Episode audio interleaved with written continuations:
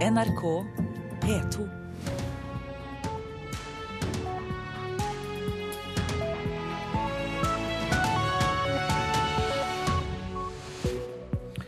Øystein Heggen ønsker deg velkommen til Nyhetsmorgen. Vi fortsetter med disse sakene. Pensjonsrettigheter skal også deles ved samlivsbrudd. De som ikke sjekker det, kan risikere økonomiske tap. Norad-rapport kritiserer FNs barnefond, mener Unicef mangler kvalitetssikring av utdanningsprosjekter i fattige land. Etter lokalstyrevalget på Svalbard er det Høyre, Venstre og Miljøpartiet som har størst grunn til å juble. Færre enn to av ti par avtaler hvordan pensjonsrettighetene skal deles ved samlivsbrudd. Det ifølge en ny undersøkelse som eh, Sentio Research har gjort for eh, Danica pensjon. Og hvis en av partene har jobbet eh, deltid, kan det bety vesentlig lavere pensjonsutbetaling på toppen da, av et havarert samliv. Og det her med skilsmisse er jo noe som de færreste av oss ønsker å tenke på, for vi tror jo selvfølgelig ikke at det gjelder oss. Og pensjon oppi en skilsmisse er nok noe som altfor få tenker over. Sier Torunn Jacobsen Langlo, som er fagansvarlig i Danica pensjon. Langlo er ikke overraska, men syns likevel det er oppsiktsvekkende at færre enn to av ti par tar høyde for at pensjonsrettigheter fordeles ulikt. Det vi ser gjennom denne undersøkelsen, er at eh, det dessverre er altfor liten bevissthet rundt at eh, pensjonsrettigheter ikke deles ved skilsmisse. Eh, færre enn ett av fem par snakker om det her. Omkring halvparten av alle ekteskap og minst like mange samboerskap ender med brudd. Sensommer og høst er høysesong for skilsmisse. Advokat Monica Gjerde Sperre i Stenstrøm Stordrange i Ålesund hjelper til med økonomiske oppgjør etter brudd. Det jeg opplever, det er at de fleste har bekymring om hvordan de skal klare seg i hverdagen med ei inntekt og ofte høye lån. Og nettopp det med framover i tid er jo veldig viktig i forhold til pensjonsrettigheter. Og det som bekymrer særlig de som kanskje har nådd en viss alder før bruddet, det er jo nettopp hvordan man skal klare seg da videre. Advokaten skulle heller gjerne kommet inn på et tidligere tidspunkt. Rådet er å ta med fordeling av pensjonsrettigheter i en ektepakt eller samboerkontrakt, mens stemninga fortsatt er god. Det er langt lettere å oppnå enighet når eh, forholdet mellom partene er godt, og man har eh, planer for framtida sammen, enn slik situasjonen ofte er etter et brudd.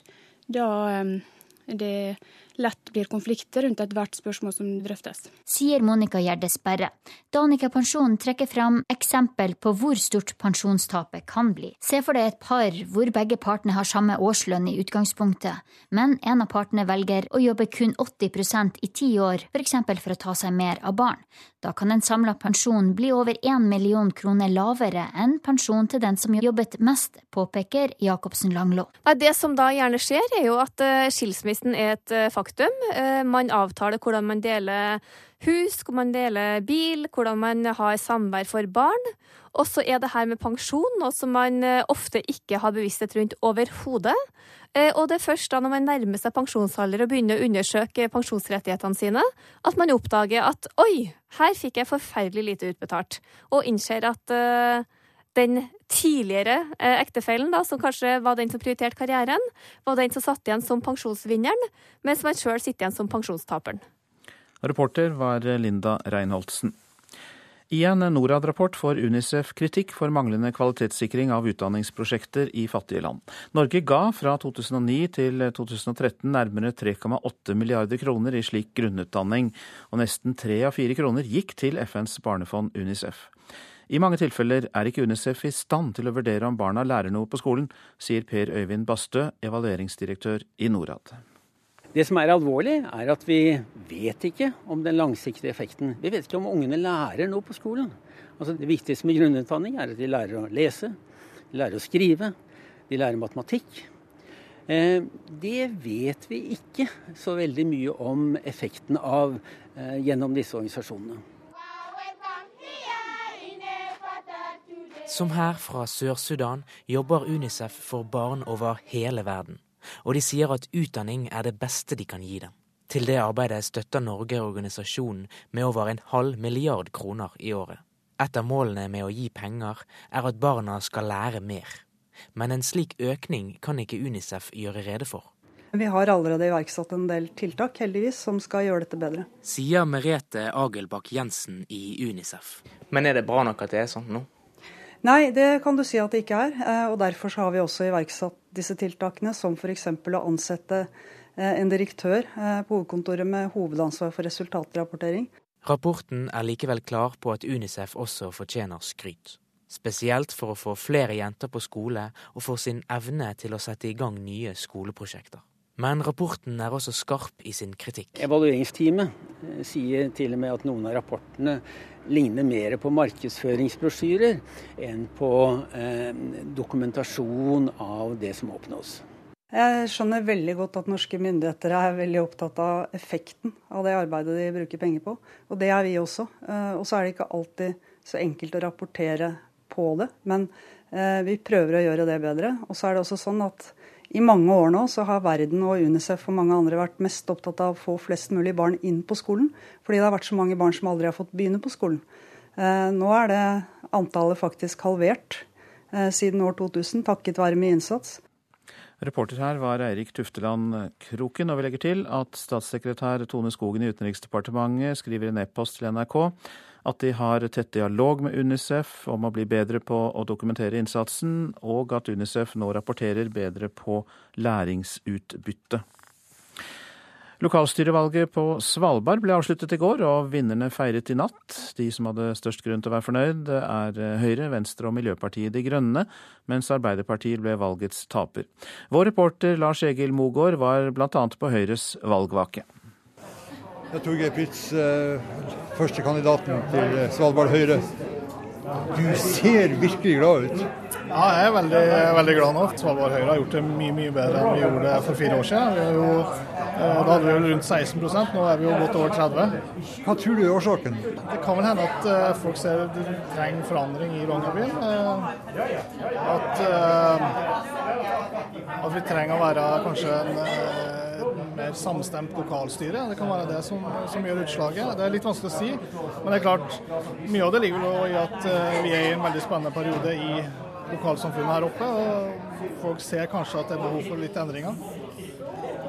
I hvor stor grad har dere klart å mobilisere den thailandske befolkninga, som er jo ganske stor her?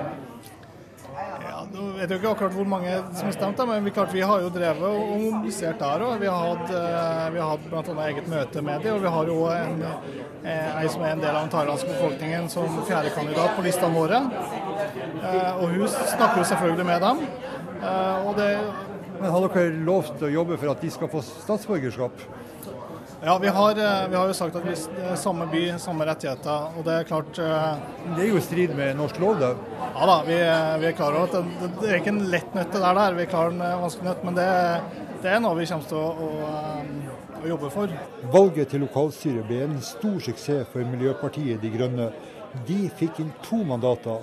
Og førstekandidat Helga Bårdsdatter Kristiansen var strålende fornøyd med valgresultatet i natt. Det er helt fantastisk, og det er så mye bedre å være inne med to enn å være inne med én. Eh, selv om vi så ut til å stå i vippeposisjon tidligere, så føler jeg at det å være inne med to virkelig viser at en stor andel av eh, befolkninga ønsker et grønt skifte i Longyearbyen.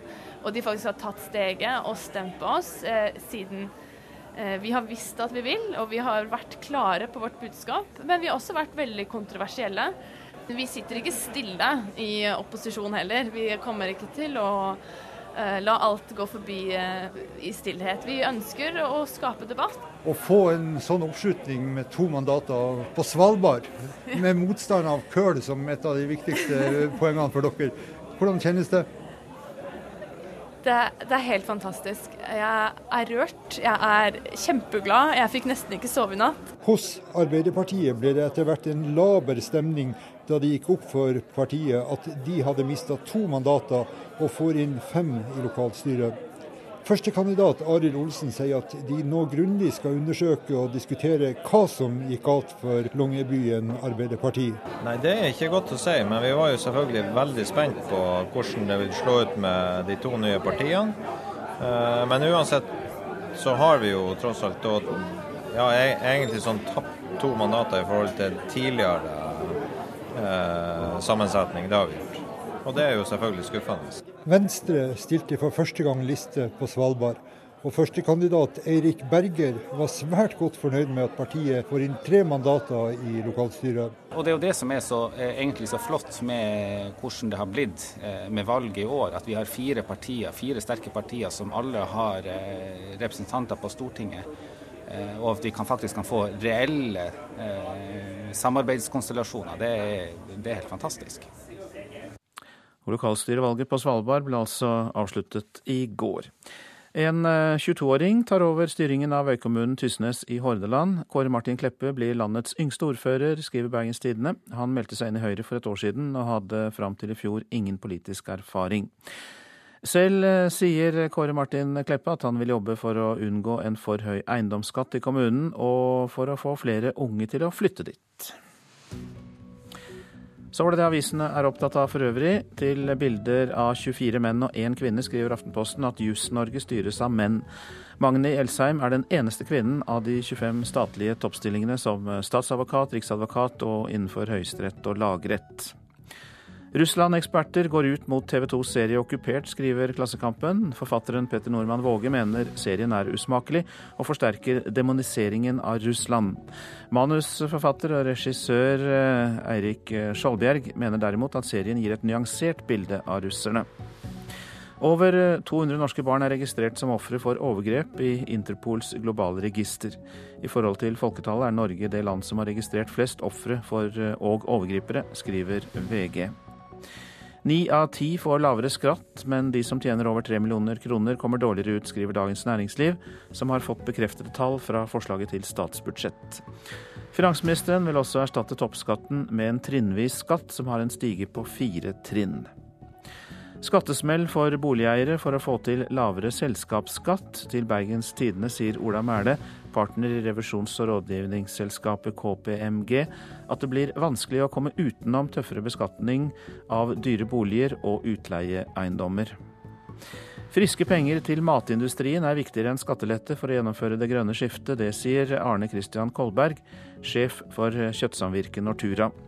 Han sier til Nasjonen at han vil ha bidrag til å utnytte store volumer med biomasse bedre, blant annet. Flere oljekroner, færre omkamper er oppslaget i Dagsavisen, som tror at statsbudsjettet for neste år blir mindre provoserende enn det var i fjor. Det er likevel duket for harde kamper, skriver avisa. Fire av ti slår ikke på voldsalarmen, får Adresseavisen vite av politiet i Trondheim. Vi vet ikke hvorfor, sier politioverbetjent Geir Ole Måmyr, men dersom behovet har falt bort, bør de levere voldsalarmen tilbake, sier han. Forsvaret vil selge friluftsområdet Jegersberg i Kristiansand for 6,4 millioner kroner, skriver Federlandsvennen.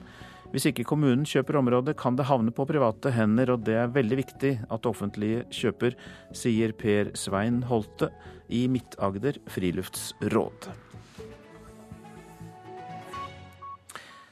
Nå om at sykkelpresident Harald Tidemann Hansen ønsker en enklere søknadsprosess for å få store internasjonale arrangementer til Norge. Et eventbyrå kan være en del av løsningen. Sykkelpresidenten sier at de ikke hadde fått sykkel-VM til Bergen i 2017 uten offentlig støtte. Nei, det hadde vi ikke greid. Enkelt og greit? Nei, ja, det er jo enkelt og greit, for det kan vi, kunne vi ikke. For det, det hadde betydd såpass mye. Vi hadde ikke greid å finansiere det, rett og slett. Sykkel-VM i Bergen fikk 30 millioner kroner i offentlig støtte. 26 av disse var fra Samferdselsdepartementet til utbedring av veier. Tre var fra Justisdepartementet for sikkerhet og 1 million kroner fra Kulturdepartementet til et frivillighetsprosjekt. Sykkelpresidenten er glad kulturministeren nå åpner for å endre støttemulighetene. Du, Vi er kjempepositive fordi vi har jo søkt om store arrangementer sjøl. Det etterlyste vi den gangen eh, den eh, idrettsmeldinga kom. Så, så, sier jo myndighetene at de ønsket å støtte opp under store arrangement. Det, men økonomien har på en måte ikke vært på plass. så Jeg syns det har vært veldig flott hvis vi kunne få til noe tilsvarende som i Danmark, med Vent Danmark. Han håper nå det blir en realitet. Dette har jo vært oppe tidligere, men eh, så har det på en måte sikkert modnet den litt, og, modnet den litt, og det er veldig fint at det tas opp. Det, da har jeg tro på at det kan, eh, kan bli en realitet. Reporter var Patrick Steen Rolands. Klokka har passert 6.47. Dette er hovedsaker i Nyhetsmorgen. Søket etter en savnet dykker i Vest-Agder blir trappet opp. Et redningshelikopter og flere båter blir, eh, har lett i hele natt ved Høllen i Søgne. Pensjonsrettigheter skal også deles ved samlivsbrudd. De som ikke sjekker det, kan risikere økonomiske tap. Og vi har hørt at Norad-rapport kritiserer FNs barnefond, mener Unicef mangler kvalitetssikring av utdanningsprosjekter i fattige land. Kina er ikke med når USA og elleve andre stillehavsland nå er enige om den mest omfattende frihandelsavtalen verden har sett på over 20 år. Den såkalte Trans-Pacific Partnership-avtalen vil regulere over 40% av verdenshandelen og bringe USA og mange asiatiske land nærmere hverandre.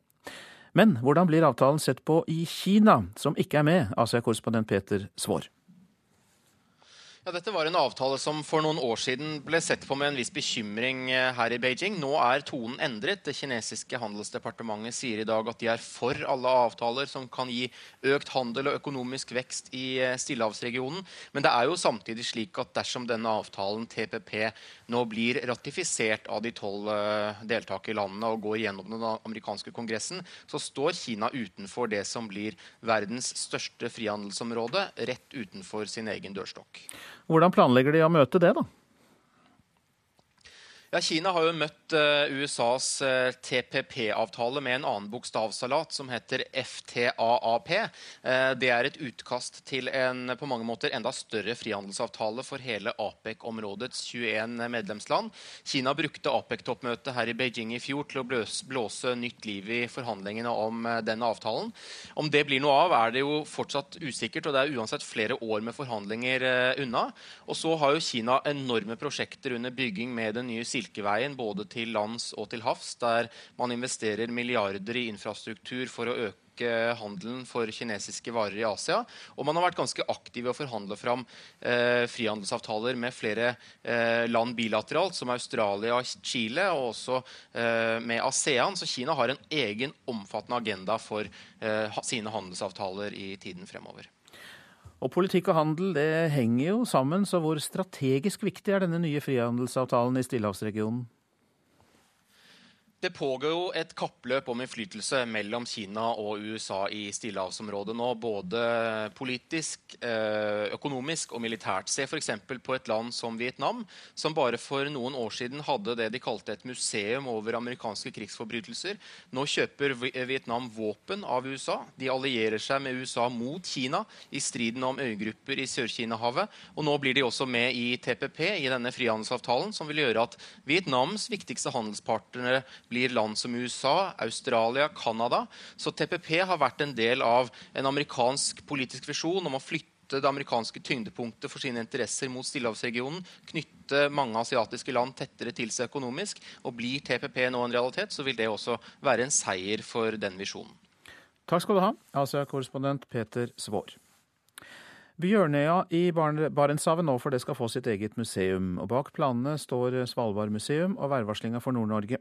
Det er den såkalte gammelradioen på Bjørnøya som skal gjøres om til museum, forteller ishavskonsulent Jan Kolsum ved værvarslinga for Nord-Norge.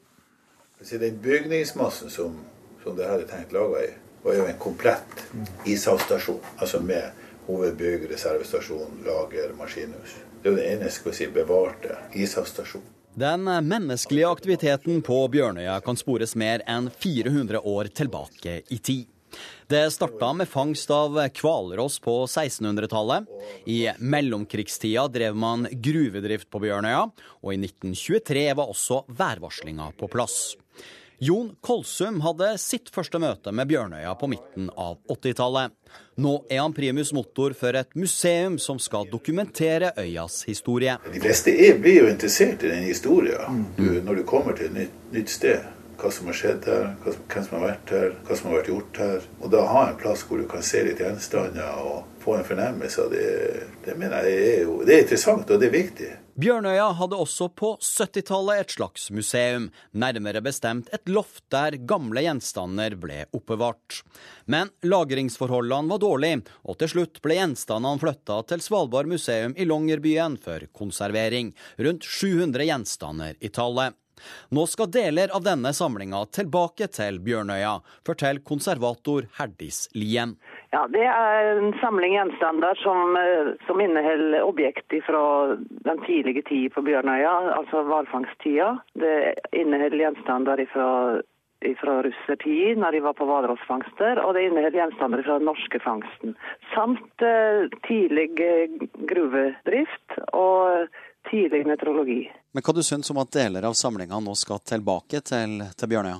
Nei, Det syns jeg er absolutt på sin plass. Det er, det Litt av vitsen med å ta vare på ting, det er jo at folk skal ha glede av det, ikke sant? Går alt etter planen åpner Bjørnøya museum i løpet av 2017, til glede for de rundt 2000 som hvert år besøker Bjørnøya.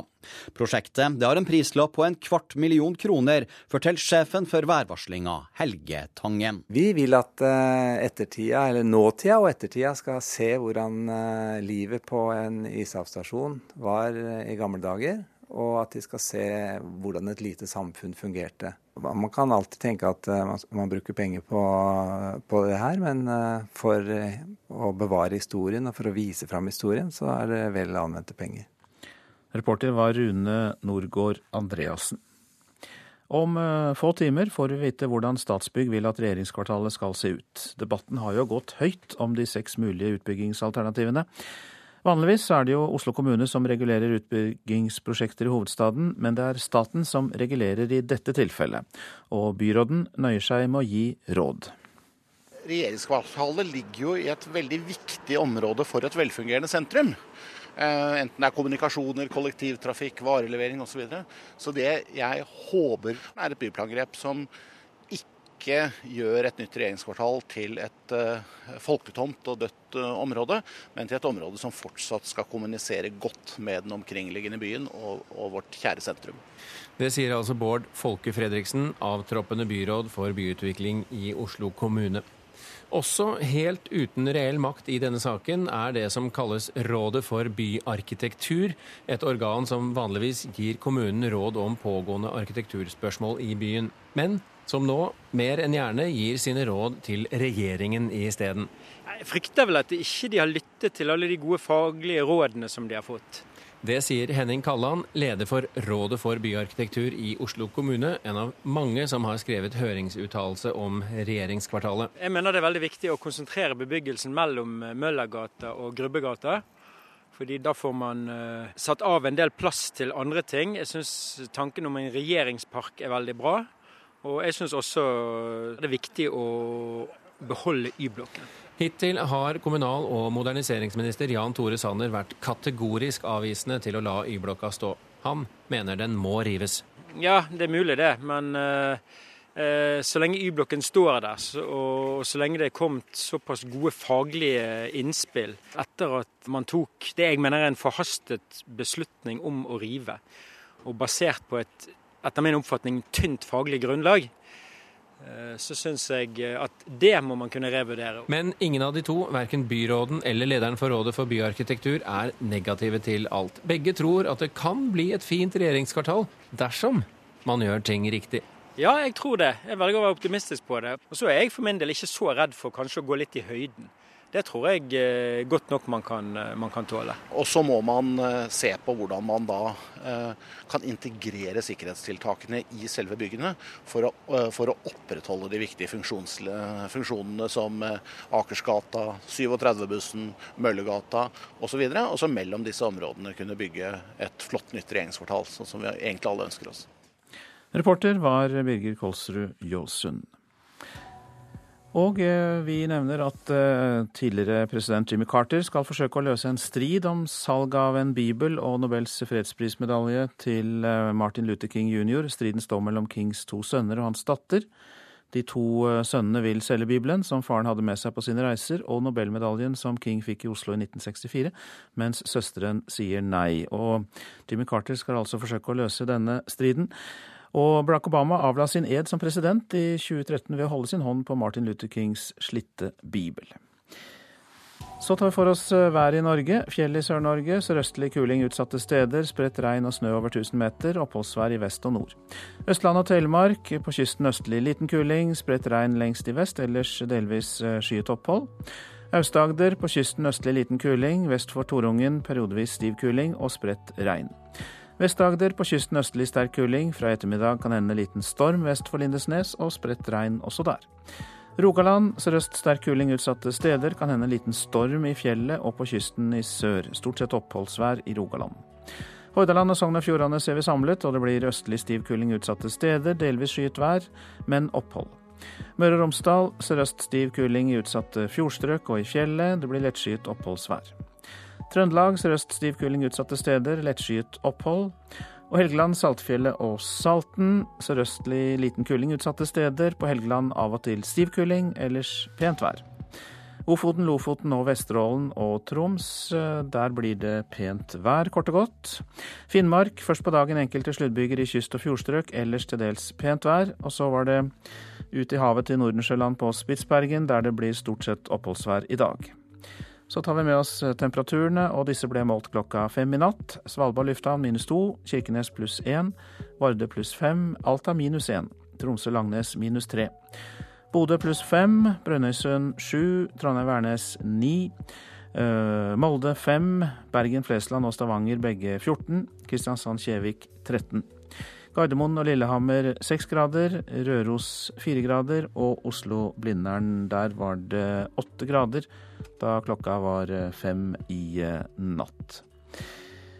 Nyhetsmorgen tar nå farvel med P1 pluss, men fortsetter selvfølgelig i eh, P2 og i eh, Alltid nyheter, etter at vi nå får litt programinformasjon og deretter Dagsnytt.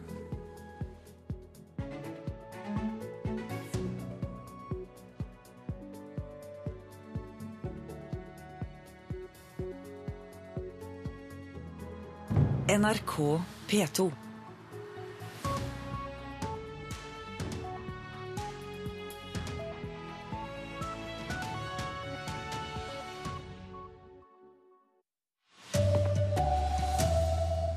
Formuesskatten på aksjer og bankinnskudd bør fjernes, mener flere store næringslivsorganisasjoner.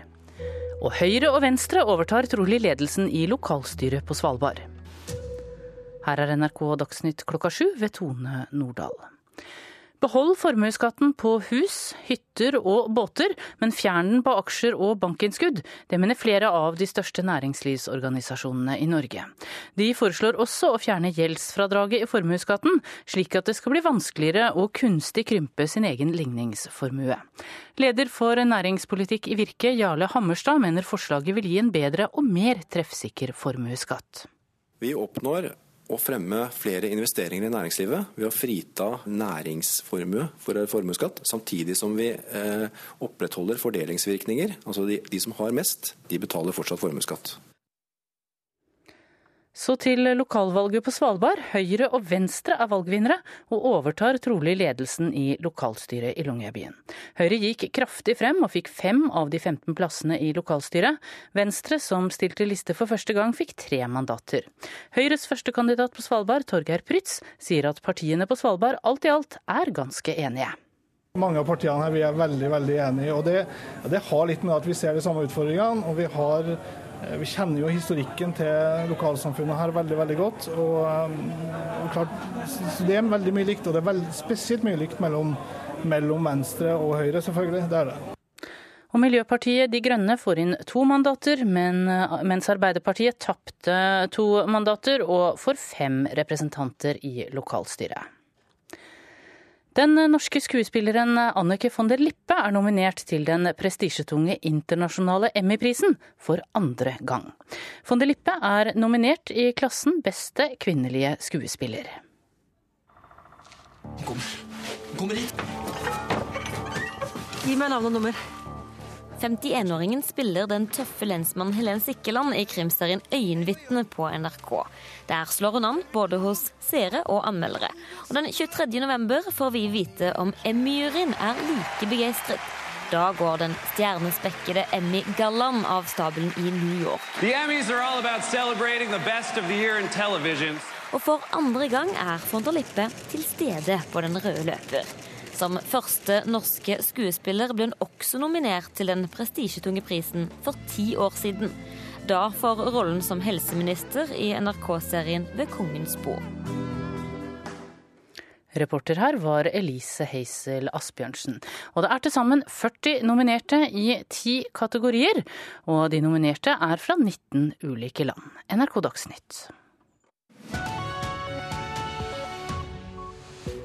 Og her i Nyhetsmorgen skal vi analysere forslagene fra næringslivsorganisasjoner om eh, formuesskatt, som vi hørte om i Dagsnytt nettopp. Bakteppet er dystert når EUs finansministre møtes i dag. Eurosonen hadde negativ inflasjon i september. I Stavanger er både politi, forsvarere og pårørende kritiske til mange lekkasjer til mediene etter siktelsene for drapet på Tina Jørgensen. Og russiske jagerfly har krenket tyrkisk luftrom nok en gang i grenseområdene mot eh, Syria. Ambassadør kalt inn på teppet. Ja, fjern formuesskatten på aksjer og bankinnskudd, men behold den på hus, hytte, bil og båt, hørte vi i Dagsnytt. Det er altså flere av de største næringslivsorganisasjonene her i landet som mener det. Og leder for næringspolitikk i Virke, Jarle Hammerstad, mener forslaget oppnår to viktige ting. Vi oppnår øh, å fremme flere investeringer i næringslivet ved å frita eh, næringsformue for formuesskatt, samtidig som vi eh, opprettholder fordelingsvirkninger. Altså de, de som har mest, de betaler fortsatt formuesskatt. Debatten om den norske formuesskatten har rast lenge. Tilhengerne mener den gjør skattesystemet mer rettferdig, mens kritikerne hevder den rammer næringslivet uforholdsmessig hardt. En mulig løsning som har vært skissert, er å fjerne den delen av formuesskatten som i praksis treffer maskiner og utstyr bedriftene bruker, såkalt arbeidende kapital. Problemet har bare vært å trekke en grense mellom kapital som arbeider, og kapital som, vel, bare er formue. Men nå mener den såkalte Alliansen for privat norsk eierskap, der Virke er med, at de er nærmere en løsning. Vi trekker det skillet mellom eh, altså investeringer i bedriftene, maskiner, utstyr, eh, verdipapirer, hvor vi også inkluderer da bankinnskudd. Bankinnskudd det er både sparing og mulige investeringer. Mens privatformue, som eh, bolig, biler og båter osv., fortsatt skal eh, ha formuesskatt. Men noen vil kanskje hevde at eh, hvis jeg har veldig mange penger i banken, da er jeg jo en riking som burde betale formuesskatt? Det kan du si, men uh, noe av kritikken uh, som vi har fått før, er at det er vanskelig å skille mellom bankinnskudd og annen finanskapital. Derfor har vi valgt å inkludere bankinnskudd, og det kan være positivt på mange måter. Bankinnskudd er sparing er positivt, men det er også penger som kan brukes til å investere i næringslivet. Et annet grep som ligger i forslaget, er å fjerne fradraget for gjeld i formuesskatten. Dermed blir det vanskeligere å krympe sin egen formuesskatt gjennom å f.eks. lånefinansiere kjøp av eiendom. Det vil alltids være åpen for skattetilpasninger, men eh, sånn som vi har laget denne modellen nå, så, så synes vi vi minimerer de, de mulighetene. Forslaget er et innspill både til statsbudsjettet og den kommende skattereformen. Leder i finanskomiteen på Stortinget, Hans Olav Syversen fra KrF, synes forslaget er interessant. Vi har jo i vårt program dette med unntak for eh, formuesskatt på arbeidende kapital. Så eh, jeg hilser jo velkommen alle gode eh, mulige løsninger for å se hvordan vi kan få til det. Reportere her Halvard Norum og Siv Sandvik. Og politisk kommentator i NRK, Magnus eh, Takvam. Hva er det viktig å oppnå for næringslivsorganisasjonene, som altså foreslår å beholde formuesskatten på noen områder, men fjerne den på andre? Det er å målrette skattelettene i formuesskatten mer enn det som har vært eh, tilfellet til nå. Kritikken mot store lettelser i formuesskatten er jo at den er veldig generell, og ikke nødvendigvis bare går på formue som eh, øker verdiskapningen i, i samfunnet den er også slik at det er den eneste skatten de såkalt superrike betaler. Og for å ha skal vi si, legitimitet til skattesystemet, så er det vanskelig å se for seg å fjerne en type skatt som nettopp bidrar til at de aller rikeste eh, betaler, eh, betaler skatt i det hele tatt. Og det er også sånn, for å konkludere, at jeg tror alle, eh, eller de aller fleste, også i LO f.eks., har sagt at dersom man klarer å finne en type formuesskattelette som skal vi si, spisser seg inn og målretter seg mot eh, å, å, redusere skatten på verdiskaping, så kan langt flere være tilhengere av den typen reduksjoner. Kan det tenkes at regjeringen kommer til å gå med på dette?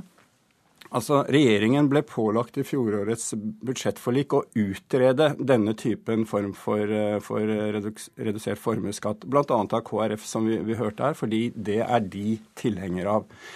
Så langt jeg forstår det, så vil regjeringen omtale dette forslaget i sitt forslag til statsbudsjett.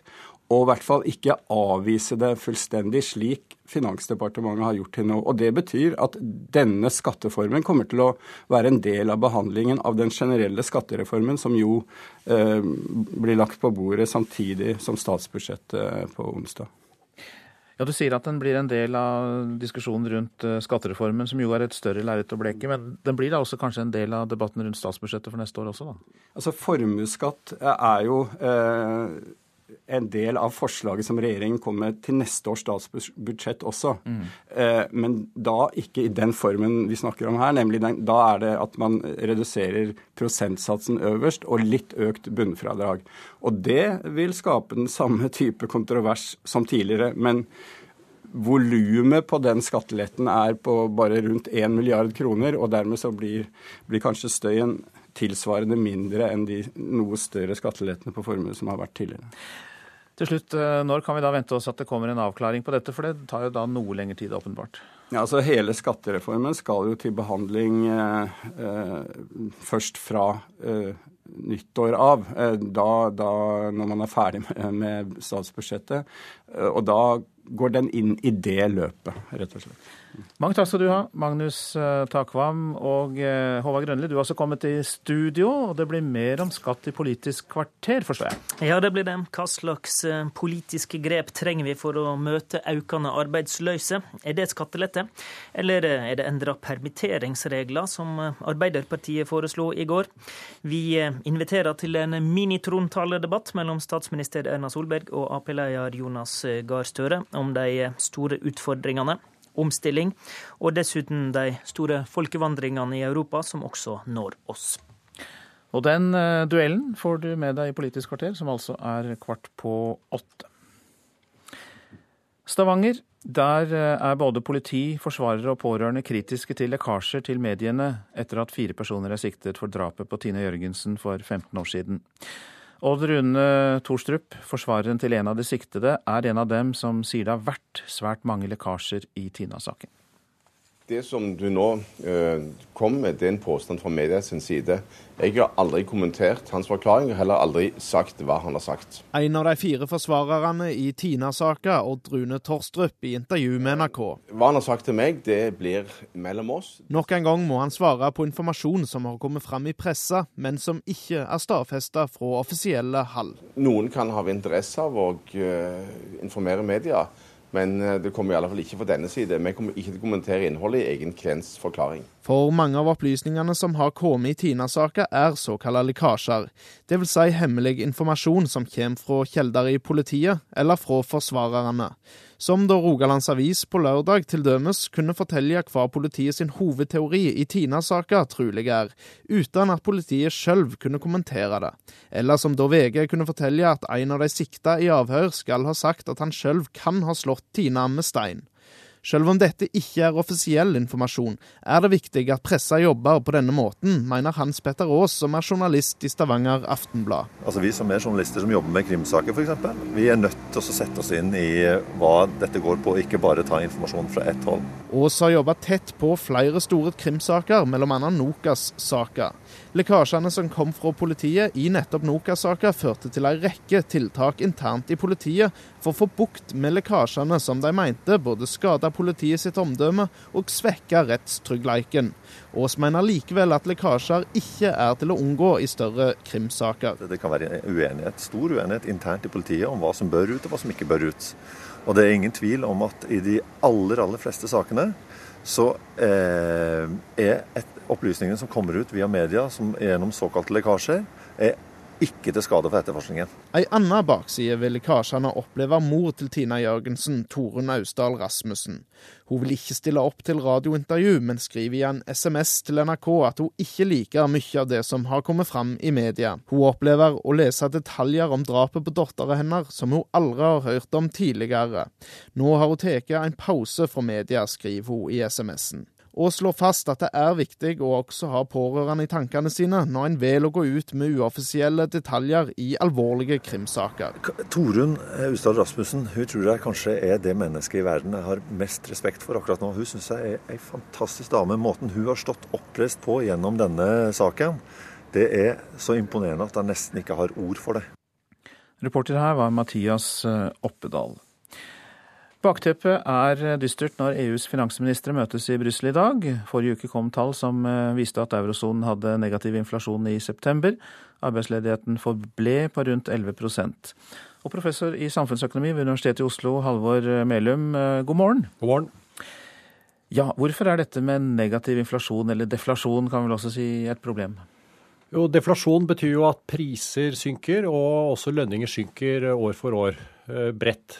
Og Det gjør at eh, bedrifter som eh, lurer på om de skal låne penger, vil vite at salgsinntekter og for så vidt også kostnader neste år blir lavere. Men i og med at det beløpet de har lånt står fast i euro i dette tilfellet, så vil eh, muligheten til å betjene lånet synke over tid. Og det gjør det lite attraktivt eh, å ta opp gjeld, fordi at eh, alt bokføres til mindre og mindre verdier i fremtiden. Så at realbelastningen av et visst gjeldsbeløp går opp. Det samme gjelder husholdninger.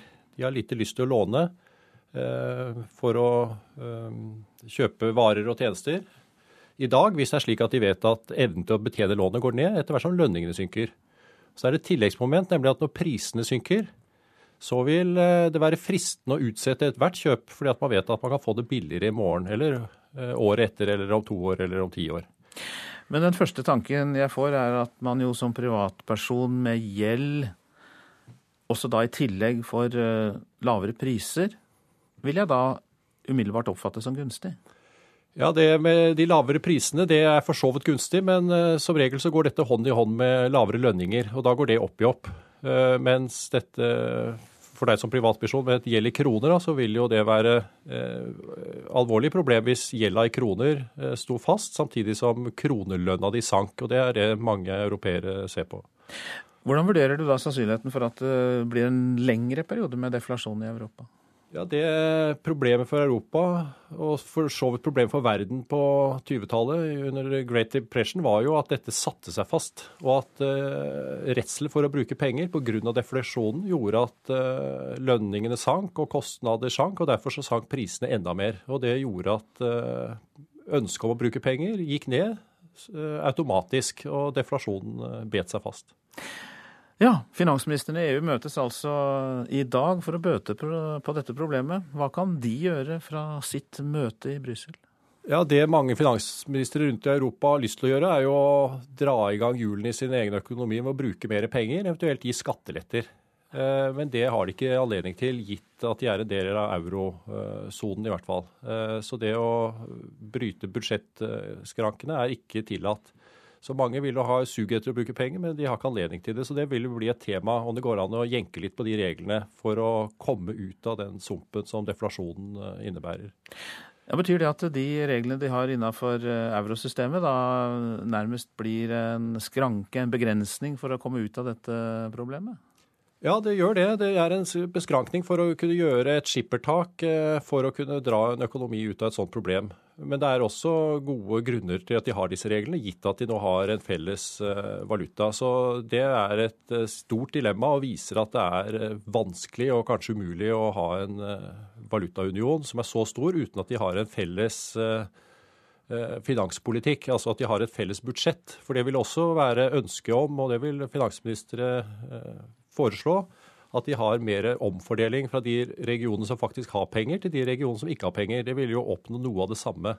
Men da har du jo problemet med at de som har klart å skaffe seg noenlunde ordnede eh, finanser eh, over sine statsbudsjetter, at de skal gi pengene videre til andre land som ikke har det samme, det er jo vanskelig å oppnå. Så det eh, vil nok ikke bli så mye av det, men det vil jo være et gode argumenter i hvert fall for en sånn ordning. Men det er vanskelig å innføre en sånn ordning når man egentlig vet hvem som er på tapersiden og hvem som er på vinnersiden. Sånt bør etableres i god tid.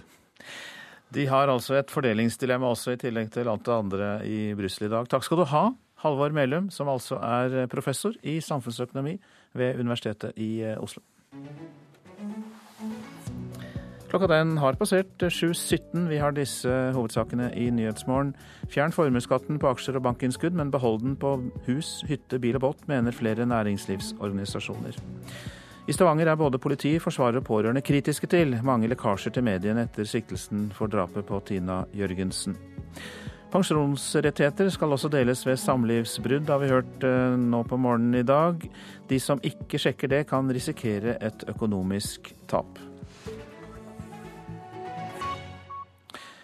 For andre gang på to døgn innkaller Tyrkia Russlands ambassadør til samtaler. Etter at eh, det ble klart at russiske jagerfly har fløyt inn over tyrkisk luftrom to ganger, krever Tyrkias regjering svar. USAs utenriksminister John Kerry og Natos mektigste medlem er dypt bekymret.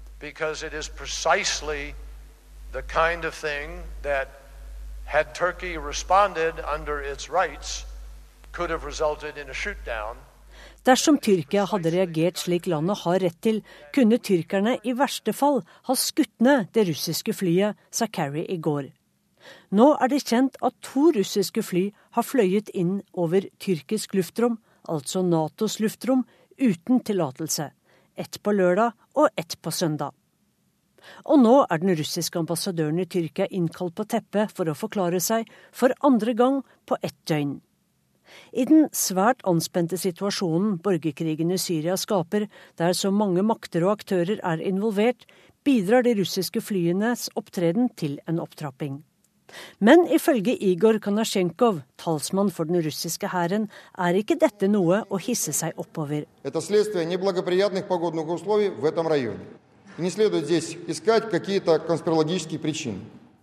Hendelsen skyldtes rett og slett ugunstige værforhold, så ikke let etter konspirasjonsteorier, er hans budskap til Nato-sjef Jens Stoltenberg, Tyrkias regjering og Det hvite hus. Når det gjelder det andre russiske flyet over Tyrkia, har vi ingen slike fly på vår base i Hemin i Syria, sier Kanasjenko. Tyrkias statsminister Ahmed Avotolo var blitt lovet av russerne at dette ikke skulle gjenta seg. Også i FN-bygningen stiger bekymringen over den siste utviklingen i Syria, der russerne for alvor har begynt å vise militære muskler. Nå ber generalsekretær Ban Ki-moon Irans ledere om å presse sin allierte i Damaskus, president Bashar al-Assad, for å bidra til en løsning på den ødeleggende borgerkrigen i landet. Det finnes ingen militær løsning på konflikten, bare en polisk, sa Ban Ki-moon da han ba Iran om å bruke sin innflytelse, ifølge en talsmann for generalsekretæren. Utenriksmedarbeider Sissel Wold sa det. I går ble tolv stillehavsland enige om den mest omfattende regionale handelsavtalen som noen gang er forhandlet fram. USA, Japan og Australia er med, men ikke Kina. Et av de siste spørsmålene som ble løst, var knyttet til beskyttelse av legemiddelindustrien. This is the first trade agreement in history to uh, protection dette er den første handelsavtalen i historien som sikrer en minimumsbeskyttelse for biologiske medisiner, sa USAs sjefsforhandler Michael Froman på pressekonferansen i Atlanta, Georgia i går. De siste fem dagene har representanter for tolv stillehavsland, blant dem Japan, Canada, Australia, Malaysia, Vietnam og Mexico, forhandlet døgnet rundt for å få til en avtale som skal sikre friere handel. Amerikanske legemiddelgiganter som Pfizer ville ha inn en regel som i praksis ga dem monopol på visse typer nye medisiner i tolv år, men endte med åtte år før det er lov å lage billigere kopier. I en skriftlig uttalelse sier president Barack Obama at avtalen innebærer at over 18 000 importavgifter på amerikanske produkter som selges i utlandet, vil bli avskaffet. Det gjelder bl.a. biler, maskiner og jordbruksprodukter. Til gjengjeld vil USA fase ut bl.a. avgifter på japanske biler over de neste 30 årene. Alle land forplikter seg til å redusere importavgifter som beskytter egne produsenter. Fagforeninger og en del politikere fra begge partier i USA frykter tap av arbeidsplasser og er imot avtalen, som omfatter 40% av verdenshandelen. Men Obama-administrasjonen er overbevist om at USA vil tjene på friere handel.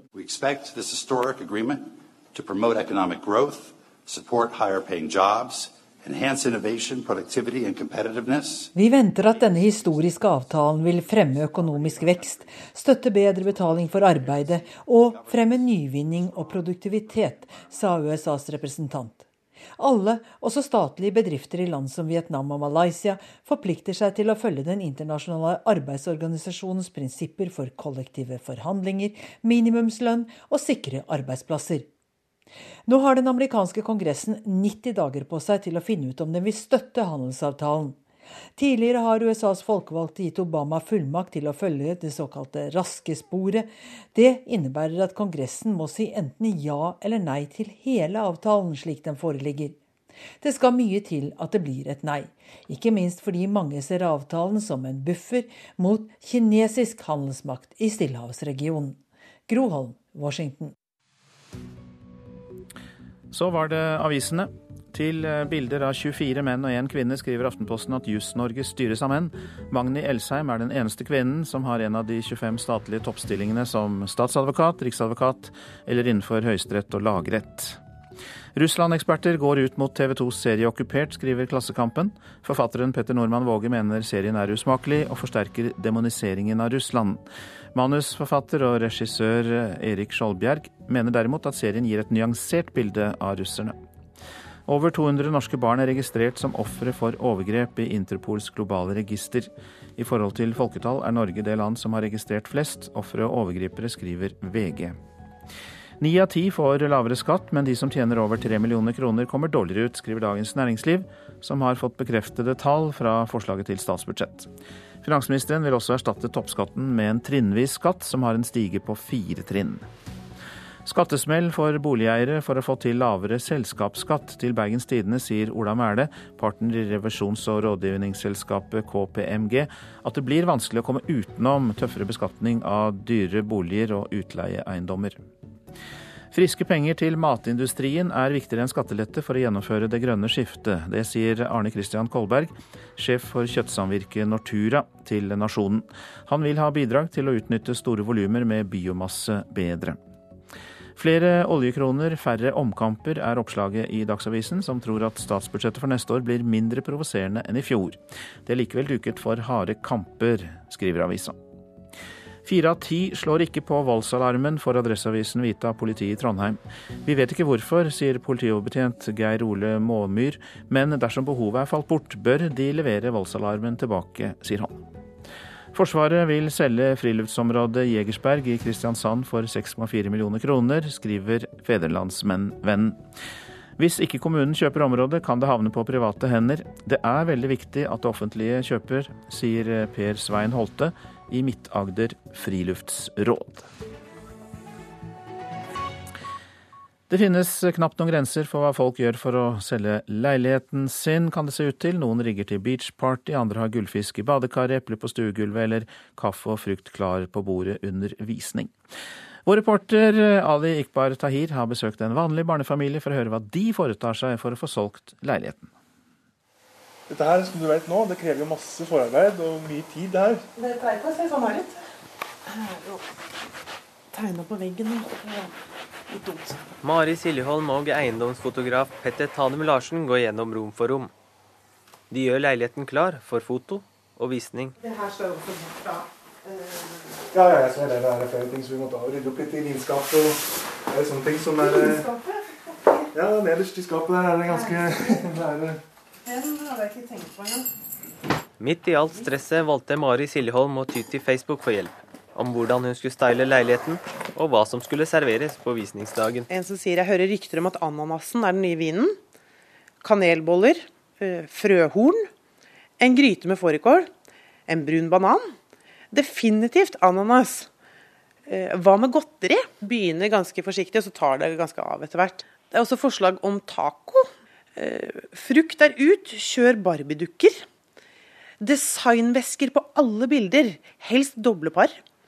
Hva med et elskende par på soverommet? For det er ikke måte på hva man gjør for å få solgt leiligheten nå til dags. Årets trender i eiendomsmarkedet gjør det heller ikke enklere. Det er litt urettferdig at det skal være så um, kompromissløst da, på, på styling-siden. Og særlig småbarnsfamilie, som per def bor i kaos. Så det har vært en lang prosess bak det du ser eh, nå. Du har den klassiske urteplanten på kjøkkenet og kaffekoppen plassert ved senga f.eks. er jo gjerne det som går, går, mye igjen. Det sier eiendomsmegler Hanna Greve fra Aktiv Sagene. Blomster, frukt, ja, kaffekopper, den biten der. Hvorfor har man egentlig det? Hjelper det med å selge bolig? Ja, det gjør jo det. Veldig mange unge for eksempel, spiller jo litt på den godfølelsen man får når man ser på annonsen, er på visning. Litt det at man selger jo ikke bare en bolig, men også en livsstil. Eh, og klarer å se på seg at her har jeg lyst til å bo en gang. Hjemme i leiligheten til Mari Siljeholm er det store spørsmålet hva som skal serveres på visningsdagen. Jeg har eh, valgt eh, veldig tradisjonelt. Jeg har gått for urter på kjøkkenet og en, et stort fat med epler. Og Hvordan skal det hjelpe deg med å selge boligen? Det aner jeg ikke. Det er det store spørsmålet hver gang. Men eh, det insisteres fra Starling-hold om at du må ha urter, og du må ha noe frukt. Men hva som er forskjellen på epler og bananer i visningssammenheng, det, det aner jeg ikke. Tror du at du kommer til å få solgt det? Å ja. Dette her, det blir solgt eh, fortere enn du aner. Ja, det var Mari Siljeholm sikker på, og hun snakket altså med vår reporter Ali Ikbar Tahir. Du lytter altså til uh, Nyhetsmorgen. Produsent i dag Arild Svalbjørg, her i studio Øystein Heggen.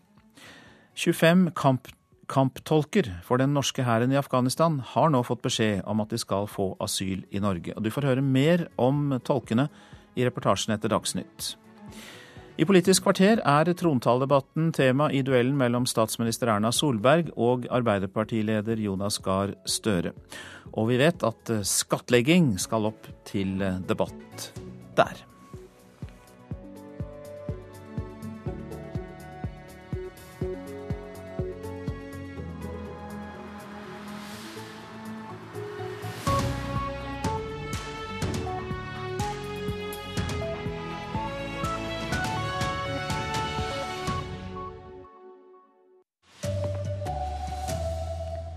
Formuesskatten på aksjer og bankinnskudd bør fjernes, mener flere store næringslivsorganisasjoner. Det kan bli lavere skatt for ni av ti. I morgen legges statsbudsjettet frem.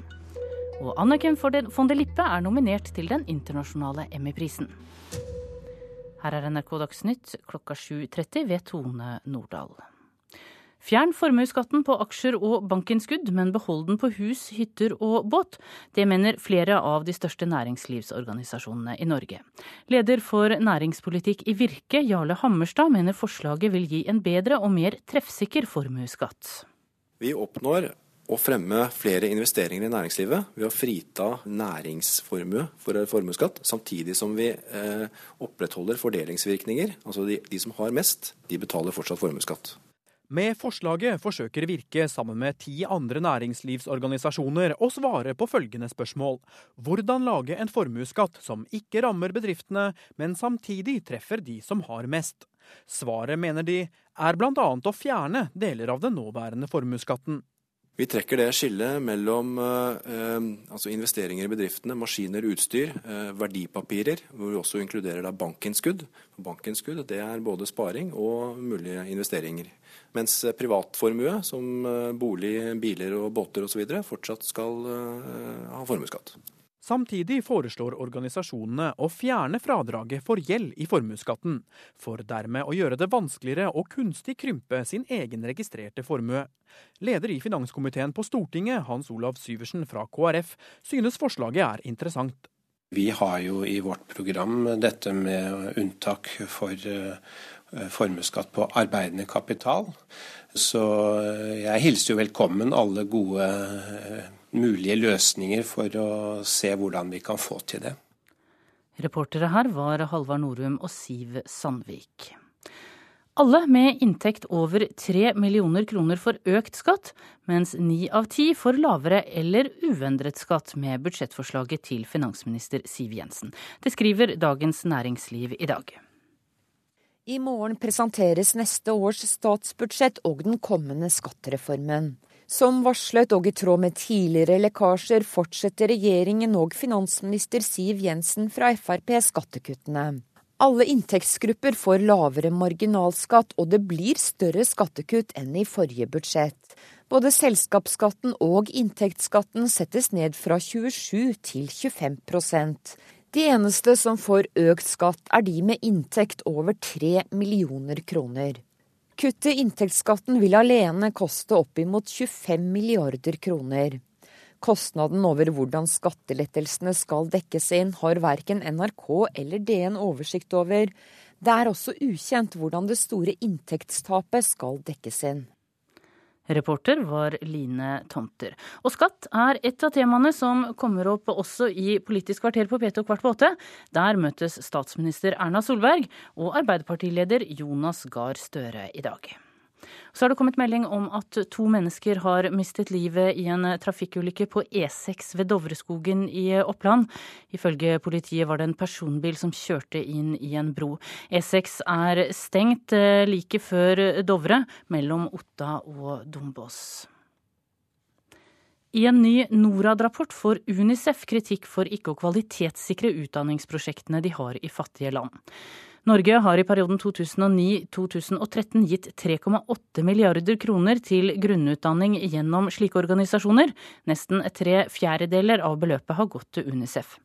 I mange tilfeller er ikke Unicef i stand til å vurdere om barna lærer noe på skolen, fordi det ikke er noen rutiner for tilbakemeldinger. Det sier Per Øyvind Bastø, som er evalueringsdirektør i Norad. Det som er alvorlig, er at vi vet ikke om den langsiktige effekten. Vi vet ikke om ungene lærer noe på skolen. Altså det viktigste med grunnutdanning er at de lærer å lese, de lærer å skrive, de lærer matematikk. Eh, det vet vi ikke så veldig mye om effekten av eh, gjennom disse organisasjonene.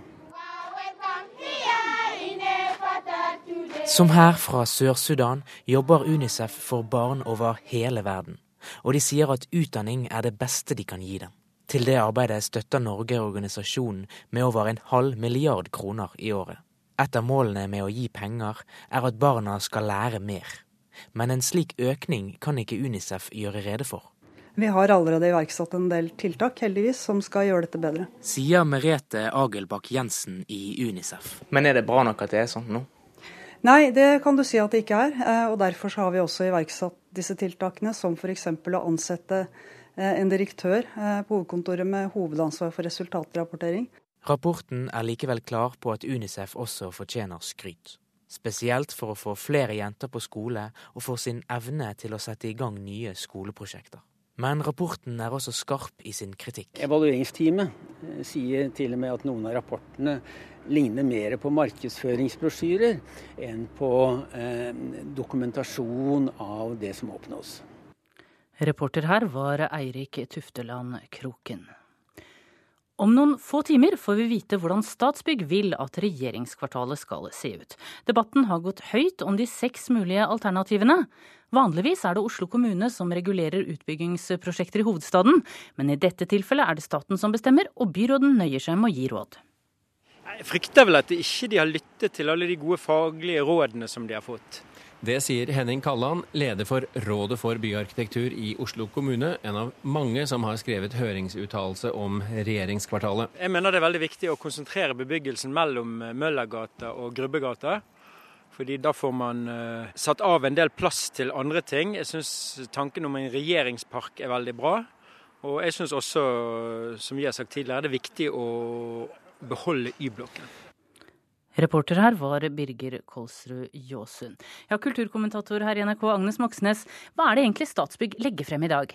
De kommer med en anbefaling til regjeringen om hvordan dette nye regjeringskvartalet skal eh, se ut. Vi kommer til å se tegninger av høyde på byggene, parker, gateløp, fremkommelighet og hvordan man har løst sikkerhetsspørsmål f.eks. Det som legges frem i dag, er det slik det endelig blir? Ja, jeg tror det. For det er meningen at om I dag lever jo departementene på legd. Om ti år så skal i alle fall 6000 ha arbeidsplass i dette området. Så det er nok et ønske om at alt skal gå på skinner. Og så langt så har iallfall Statsbygg ledet en prosess som vel oppleves som velsmurt, med tanke på en slik fremdrift. Takk skal du ha, Agnes Moxnes. Og pressekonferansen til Statsbygg den er klokka tolv. Den norske skuespilleren Annike von der Lippe er nominert til den internasjonale Emmy-prisen for andre gang. Von der Lippe er nominert i klassen Beste kvinnelige skuespiller for sin rolle som lensmann i NRK-dramaserien Øyevitne. Og Annike von der Lippe, du er med oss nå. Gratulerer. Jo, takk for det. Du, hvordan, hvordan fikk du vite om dette? Nei, jeg satt jo da eh, på teatret og spiller Bakegutten i Hakkebakkeskogen. Sånn at eh, den meldingen kom da inn eh, da jeg hadde tatt ut løstennene. Men eh, det var jo litt sånn opplevelse og veldig, veldig rart. Men fantastisk gøy òg, da. Det, det, du, dette er din andre nominasjon til denne prisen. Sist gang så gikk den til en annen. Hva tror du om sjansene denne gangen? Jeg har ikke peiling. Jeg, er jo sånn, jeg tør jo ikke glede meg over noen jeg tør jo ikke glede meg på forhånd lenger. Jeg er blitt veldig flink til det. Men eh, det, jo, det var jo sånn forrige gang så tenkte jeg at dette er once in a lifetime, og så er det plutselig twice in a lifetime. Så jeg vet ikke, men eh, det er bare tre stykker som er nominert, så sjansene er jo da til og med litt større. Det, det blir kjempespennende. Lykke til. Takk skal du ha, Annike von der Lippe. Færre enn to av ti par avtaler hvordan pensjonsrettigheter skal deles ved et samlivsbrudd. Det viser en undersøkelse Sentio Research har gjort for Danica pensjon. Hvis en av partene har jobbet deltid, så kan det bety vesentlig lavere pensjon på toppen av et havarert samliv. Og det her med skilsmisse er jo noe som eh, de færreste av oss ønsker å tenke på, for vi tror jo selvfølgelig ikke at det gjelder oss. Og eh, pensjon oppi en skilsmisse er nok noe som altfor få tenker over. Sier Torunn Jacobsen Langlo, som er fagansvarlig i Danica pensjon. Langlo er ikke overraska, men syns likevel det er oppsiktsvekkende at færre enn to av ti par tar høyde for at pensjonsrettigheter fordeles ulikt. Det vi ser gjennom denne undersøkelsen, er at eh, det dessverre er altfor liten bevissthet rundt at eh, pensjonsrettigheter ikke deles ved skilsmisse. Og eh, den som da sitter igjen med dårlige pensjonsrettigheter etter en skilsmisse, den får dessverre heller ikke den økonomien man hadde sett for seg som pensjonist. Reporter i dette innslaget var Linda Reinholdsen. Ansvarlig for NRK Dagsnytts sendinger i dag er Silje Katrine Bjarkøy.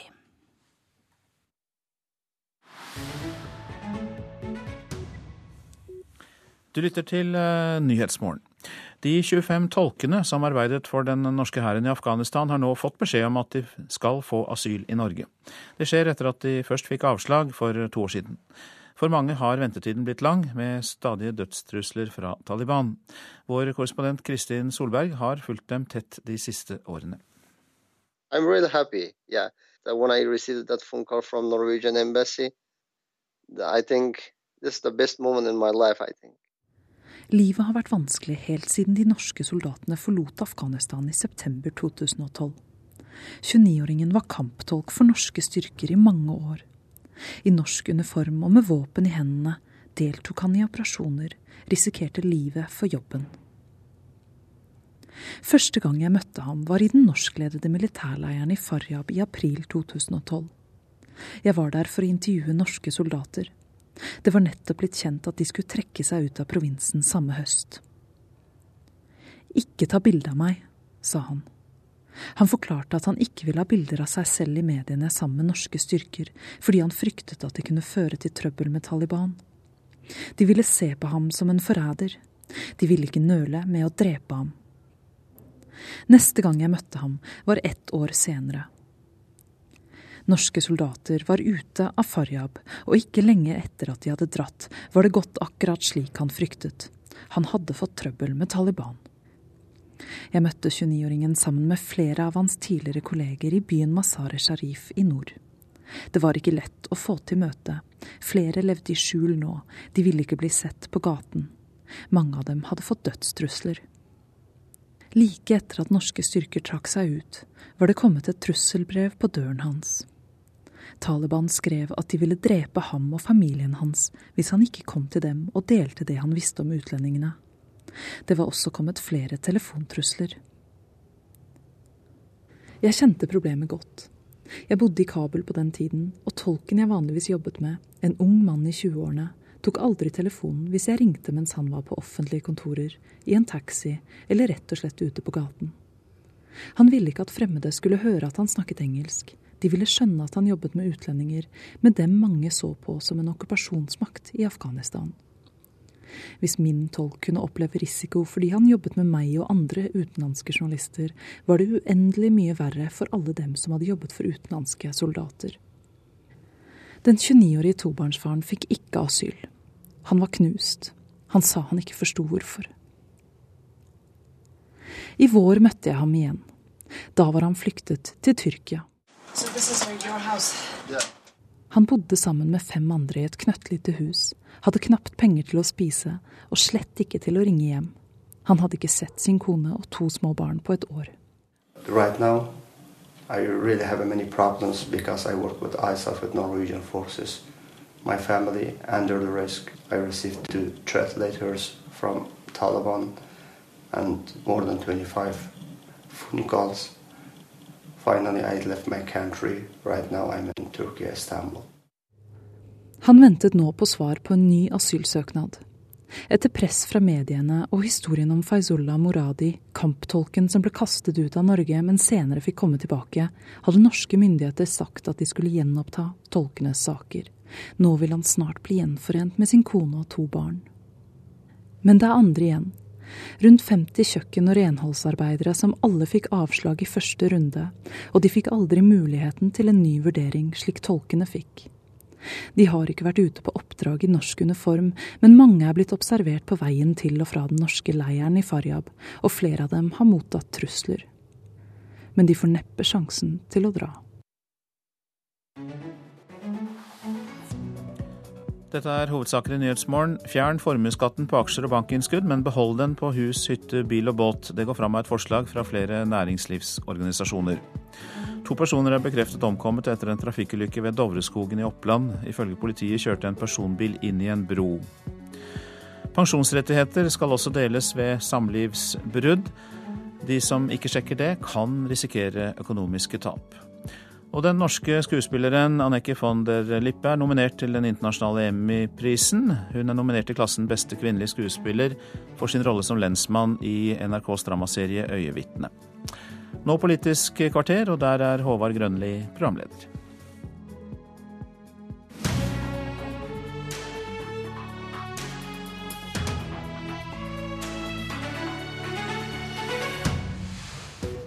Siden i fjor sommer er oljeprisen halvert. Tallet på asylsøkere er i ferd med å doble seg. Hva slags politiske grep trenger vi nå?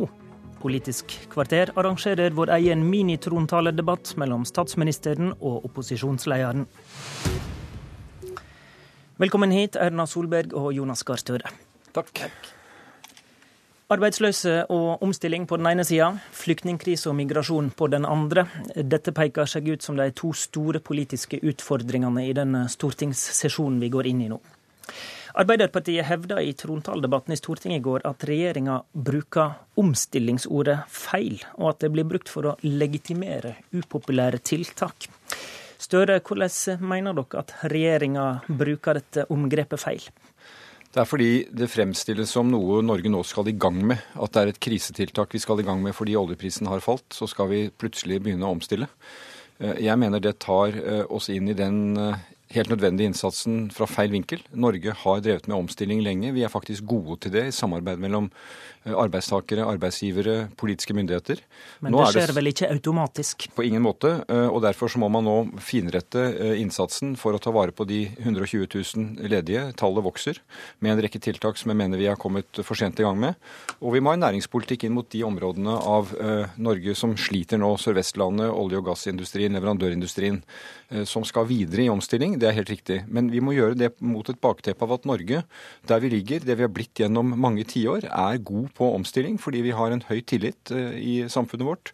Og vi har også politiske myndigheter som ser hva som trengs for å støtte opp om bedrifts- og næringsliv. Ikke subsidiere enkeltbedrifter, ikke plukke vinnere, men være en drivkraft for omstilling som ikke er noe vi nå plutselig skal i gang med. Erna Solberg, i trontaledebatten i går peka Høyres stortingspolitikere på at Arbeiderpartiet ser ut til å ha ei laissez-faire-holdning til omstilling, altså at de er passive. Hva er det dere savner fra Ap? Jeg syns det var veldig avslørende det innlegget som Jonas Gahr Støre nå holdt. Det når han tror at vi har begynt å snakke om omstilling når oljeprisen falt, da gjorde vi ikke det.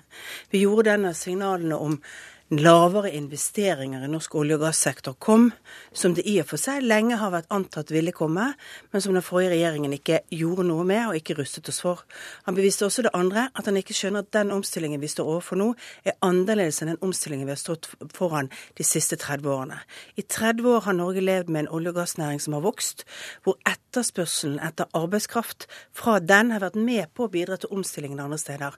Den omstillingen vi går inn i nå, da skal vi omstille oss til jobber som kanskje har dårligere betalt, eller som er i områder hvor vi ikke har naturlige fortrinn i dag, men vi må konkurrere mye mer på, på lik linje med mange andre land. Det er en tøffere og annerledes omstilling enn den vi har vært. Hva blir hovedgrepet mot dette da? Jeg må, jeg må få lov å si Det langsiktige der er det vi gjør på investeringer i infrastruktur, investeringer i forskning og utvikling, sørge for et skattesystem som er konkurransedyktig og som bidrar til mer investeringer i Norge. Det er de langsiktige tingene. Så har vi fått et oljeprisfall på toppen som forsterker alle disse tendensene. Men det er jo derfor vi har sagt at vi skal møte oljeprisfallet og den økte ledigheten med mer aktivitet, med mer tilbud om arbeid. Men den langsiktige omstillingen går lenger og er annerledes, og Arbeiderpartiet har nå bevist de har ikke forstått at den omstillingen vi står overfor nå, er ganske annerledes enn den omstillingen vi har hatt de siste 30 årene. Det er riktig at vi er godt rustet på noen områder, men den tilbakelentheten jeg hører fra Arbeiderpartiet, den står i forhold til hva de gjorde i regjering, men den står ikke i forhold til oppgavene fremover. Dere har ikke forstått dette? Ja, men dette er jo helt oppsiktsvekkende. Eh, tilbakelenthet. Dette er jo en regjering som har kommet for sent med tiltak mot ledigheten eh, og for omstilling ved hver korsvei. I går la vi et forslag i Stortinget om å utvide permitteringsregelverket, slik at du ikke blir sagt opp, men kan stå noe lenger i permisjon. Nettopp for å støtte bedriftene i sin omstilling, ta vare på kompetansen. På en lang rekke områder så har denne regjeringen brukt pengene feil, på store usosiale skattekutt som ikke har ført til økte investeringer. Men la oss ta men, det... men, men, men altså, statsministeren har ansvar på sin vakt. Nå må hun som politiker og som regjering møte den utfordringen. Vi hadde i våre år, jeg er nødt til å gjenta det, jeg tror lytterne har hørt det før, i våre år så ble det skapt 350 000 nye arbeidsplasser, to av tre i privat privat sektor, og vi var gjennom Europas mest alvorlige finanskrise i 2008-2009. Men, men, la oss tenke fremover, da. Nei, nei, og, da og da klarte vi omstilling, og nå skal vi se mot 2020, og da er det tiltak som uh, skal treffes her og nå. Greit, som sentralbanksjefen sa veldig tydelig, veksten i de årene var båret av én ting, og det var en høy oljepris og en høy etterspørsel etter olje i verden. Nå er vi altså i en annen virkelighet. Vi blir mer lik de andre europeiske landene. Vi må jobbe mer med gründerskap, vi må jobbe mer med, med det å sørge for mer forskning, utvikling, snappe nye arbeidsplasser. Vi skal faktisk, vi blir likere enn de andre i den lange omstillingen, og det er mer utfordrende. Det, det vi gjør på kort sikt, det er jo faktisk å løfte aktiviteten i Norge. Gjennom det, skatteletter? Er det nei, det som blir det nei, viktigste? det er veldig viktig å si skattelettelse er en del av den langsiktige omstillingen. Den Ikke den bidra de- Nei. Og det har jeg sagt hver gang jeg blir spurt. Skattelettelse er en del av den langsiktige omstillingen. Den skal bidra til flere bedrifter, nye områder. Den skal bidra til mer investeringer og trygghet for velferdssamfunnet vårt på lang sikt. Mer aktivitet, og det sa vi også i valgkampen. Vi kommer til å legge frem et statsbudsjett som har mer aktivitet, som går målrettet på å skape arbeidsplasser. Arbeiderpartiets svar er å holde folk på tiltak og holde de permittert lengre. Vårt svar er faktisk mer arbeid, La oss ta dette permitteringsforslaget, da. Nå- nå tar vi nå tar vi dette permitteringsforslaget. Arbeidsaktiviteten må henge sammen med den langsiktige omstillingen. Hvis du bare blåser opp offentlig sektor, ja, så skader du den langsiktige omstillingen. Nå, nå tar vi permitteringsforslaget. Støre foreslo altså i Stortinget i går eh, at en skal kunne utvide denne perioden fra, fra 30 uker til at bedriftene kan holde folk permittert i inntil ett år. Eh, vi hører at du er kritisk. Hvorfor er det et dårlig forslag, Solberg? Nå har ikke jeg svar på om jeg er kritisk eller ikke. Ja, du nevnte det iallfall i, i den ramsa du hadde eh, nå. Ja, altså Det er en balanse mellom hvor lenge skal du låse inn arbeidskraft i en type bedrifter, Mm. og hvordan får du til omstillingen. Nå har de fremmet det forslaget i, i, i går, det skal behandles i Stortinget, og regjeringen kommer til å gi sitt svar. Men det er en balanse i, imellom å låse inn arbeidskraft og det å sørge for å ha trygghet nok i en periode. Og det er den balansen man må lete etter og finne hvor det er riktig. Større, hvorfor blir det mer omstilling av at du sitter lengre permittert i en jobb? Solberg har tirader med karakteriseringer av andres politikk. Blåse opp offentlig sektor, sitte tilbakelent. Jeg bare tilbakeviser det. Ja, Men svar på spørsmålet. Hvorfor, hvorfor blir det mer omstilling av å være permittert lenger? Det er fordi at bedrifter skal både vente på at det kanskje kommer bedre tider, tidene kan snu, de skal være posisjonert for det, de har investert i kompetansen til sine eh, ansatte, og de skal bygge ny virksomhet på skuldrene av den de har. Drar du til Kværner Stord, så ser du at det er et svært verft, store investeringer. De må nå permittere folk. De håper jo at de kan komme i gang med ny virksomhet, og helt ny virksomhet på områder de ikke har vært før. Og de sier at den viktigste ressursen de har, det er de ansatte. Og i 2009 hadde vi samme erfaring. Da var ledigheten lavere nå, men da var det tilbakemeldingen man får om man legger øret til bakken og hører på ansatte og ledelse ute i bedriftene. Kan vi beholde folk permittert litt lenger fremfor å si dem opp, så er det bra. Det tiltaket sto i to år. Ledigheten gikk ned, og vi kunne gå tilbake til, et, til, tidligere praksis. Så vi foreslår nå det, bl.a. basert på veldig tydelige tilbakemeldinger fra arbeidstakere, arbeidsgivere. Det er ikke å låse inn kompetanse. Folk kan jo slutte om de ønsker å gå videre i den perioden, men det gir altså bedrifter og ansatte mulighet til å stå noe lenger og forberede seg på å kunne få ny virksomhet. Altså, Vi har jo gjort endringer i permitteringsregelverket. Vi gjorde det når vi kom inn i regjering, for da var det mangel på arbeidskraft i mange sektorer. Da sørget vi for at de nye sektorene skulle få tilgang på kompetansearbeidskraft hvis ikke folk var var, hadde en jobb som var trygg lenger der de var. Så gjorde vi endringer nå, men om vi skal gå enda lenger, sånn at folk kan sitte et år permittert uten at, uh, at det betyr at uh, altså Man vil være sikker på at det ikke betyr at man uh, ender opp med å låse inn kompetansearbeidskraft som andre bedrifter faktisk kan komme til å trenge. Og så låse inn, da mener du at den blir sittende? Da blir de værende der. For det er, klart at, det er klart at i en omstillingsperiode så er det å måtte flytte på seg for å finne en annen jobb og annet, det har en kostnad for folk. Og spørsmålet er liksom, bidrar det til den omstillingen, både til det grønnere skiftet, til andre aktiviteter, at folk blir værende med kompetanse i en bedrift som da kanskje ikke har oppdrag, mens andre kommer kanskje til å mangle det? Det er et ganske brutalt ord, da. Låse inne kompetanse. Eh, jeg tror det vi hører er at eh, for det første gründerskap. Statsministeren vil støtte gründere. Det har vært snakk om planer nå i to år. Vi har lagt fram helt håndfaste gründerpakker for å støtte de som starter bedrift. Men de som starter bedrift, eh, det er jo ikke der de nye arbeidsplassene kommer i første omgang. Det tar ofte litt tid for at en bedrift vokser og ekspanderer. Skal vi møte situasjonen i forhold til ledighet, så er det jo bl.a. å ta utgangspunkt i de bedriftene som er, som i veldig mange norske sammenhenger er konkurranseutsatte, de er omstillingsdyktige, de vet hvordan de skal tilpasse seg. Og Derfor handler det ikke om å låse inne, men det handler om å ta vare på det viktigste i norsk industri, i norsk næringsliv. Det er de ansattes kompetanse. Vi skifter tema. De store folkevandringene framstår som Europas eh, store utfordring om dagen. Og hvordan vi skal takle vår bit av dette, blir selvsagt et viktig politisk tema i høst. Du Støre, starta den debatten i Stortinget i går med å kreve at eh, Frp-leder Siv Jensen må forklare seg fra Stortingets talerstol om denne oppfordringa hennes i valgkampen, der hun ba sine folk i kommunene om å si nei til bosetting av flyktninger. Statsminister Erna Solberg, vil du være komfortabel med at finansministeren gjentar den oppfordringa fra Stortingets talerstol? Finansministeren har vært helt tydelig på at denne regjeringen jobber for eh, for å bosette. Og det er finansministerens jobb også i Stortinget å svare på. At man i en kommunevalgkamp som partileder for et valg, parti som går til valg i, i mange kommuner i dette landet, presenterer det, det, det, spørsmålet de har, det er faktisk en annen sak. Sånn at da må hun formulere det annerledes fra Stortingets ja, altså i, I, finansministeren står bak en regjering som sier at vi skal bosette i kommunene. Da er det vel greit, Støre? Nei, det er ikke greit. Eh, jeg husker i kommunevalgkampen så var statsministeren opptatt av at vi uttrykte oss litt annerledes om kommunereform og kommunesammenslåing. Det ville vært hjelpsomt om Arbeiderpartiet snakket mer som Høyre. Det kan jeg ikke love statsministeren. Men hvis vi forfølger den logikken, så er det jo helt oppsiktsvekkende i norsk praksis at du har ett parti i regjering som ikke bare har et annet syn i sitt program og driver valgkamp, men hvor lederen, og som er regjeringens nummer to, går ut og sier nei til å bosette, oppfordrer kommunen til å si nei. Nå, nå mener jeg at eh, Siv Jensen kan få anledning til å korrigere det, for det har skjedd mye siden midten av august med sterkt tilstrømning av flyktninger. Denne regjeringen åpner nå 50 nye mottak. Der kommer det mennesker, 7000 flere. Det kan bli opp over 30 000 til neste år. Eh, og da mener jeg at eh, regjeringens nummer to har som sitt siste siterte budskap til kommunene si nei til bosetting. Det blir jo hørt. Og så går en inn på Stortinget og sier at nå er jeg finansminister, jeg støtter regjeringens politikk. Det lærer du på ethvert introduksjonsprogram. At du må støtte politikk, eh, Stortingets politikk hvis du sitter i regjering. Solberg. Men jeg mener at dette, dette, fortjener en oppklaring. For hvis kommunene skal være med på denne dugnaden, så kan de ikke høre sånt splittet budskap fra en regjering. Ja, jeg mener at det er veldig tydelig hva regjeringens politikk er. Og så er dette et veldig lite spørsmål i forhold til det virkelig store spørsmålet nå. Mm. Nemlig at vi faktisk får et antall asylsøkere nå som vi ikke noen gang tidligere har fått. Og, og, skal gå på det. Du, du har uttrykt uro for at yttergrensekontrollen i Schengen-systemet har ramla sammen. Men hva gjør vi med det? Skal vi eh, få mer permanent grensekontroll på grensene til våre nordiske naboland, eller å begrense hvor mange som kommer hit, eller hva, hva vil vi gjøre? Vi skal gjenopprette Schengens yttergrenser og yttergrensekontrollen. Det er det EU jobber med. Det er det vi har sagt vi støtter opp under. Det er å sørge for å få hotspots, altså områder hvor man regulerer og registrerer de som kommer inn i landene hvor folk kommer først. Eh, det betyr at vi må være med på den solidariske dugnaden som vi har innenfor EU. Det er der grensekontroll skal skje.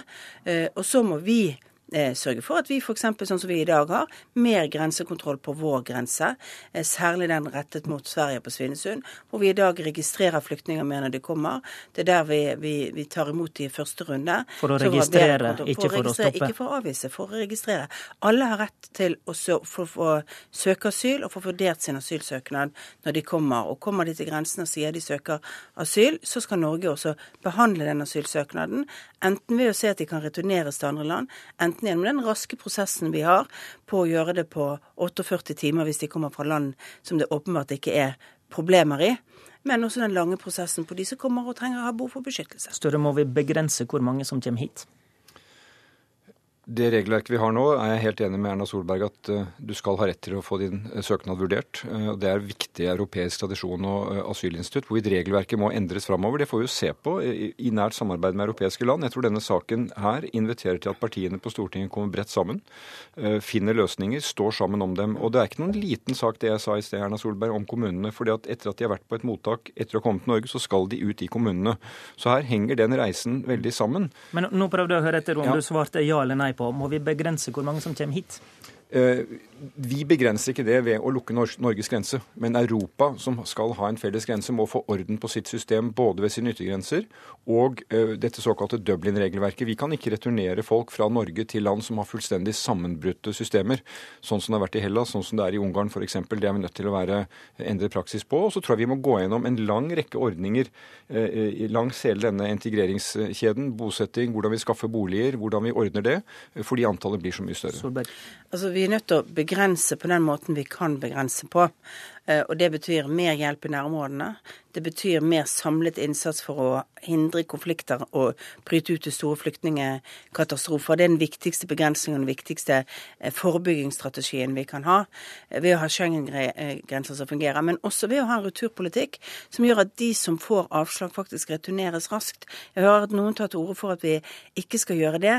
Det vil være det farligste vi gjør. For dette er folk som kommer som ikke har behov for, for å, å, være her, som ikke har asylrettigheter. De må returneres raskt, for hvis ikke kommer det flere fra de områdene. Det er jeg helt enig. Det er en viktig del av integriteten i vårt system. Den ekte trontaledebatten holder fram i Stortinget. I studio i dag var Håvard Grønli. Hør flere podkaster på nrk.no podkast.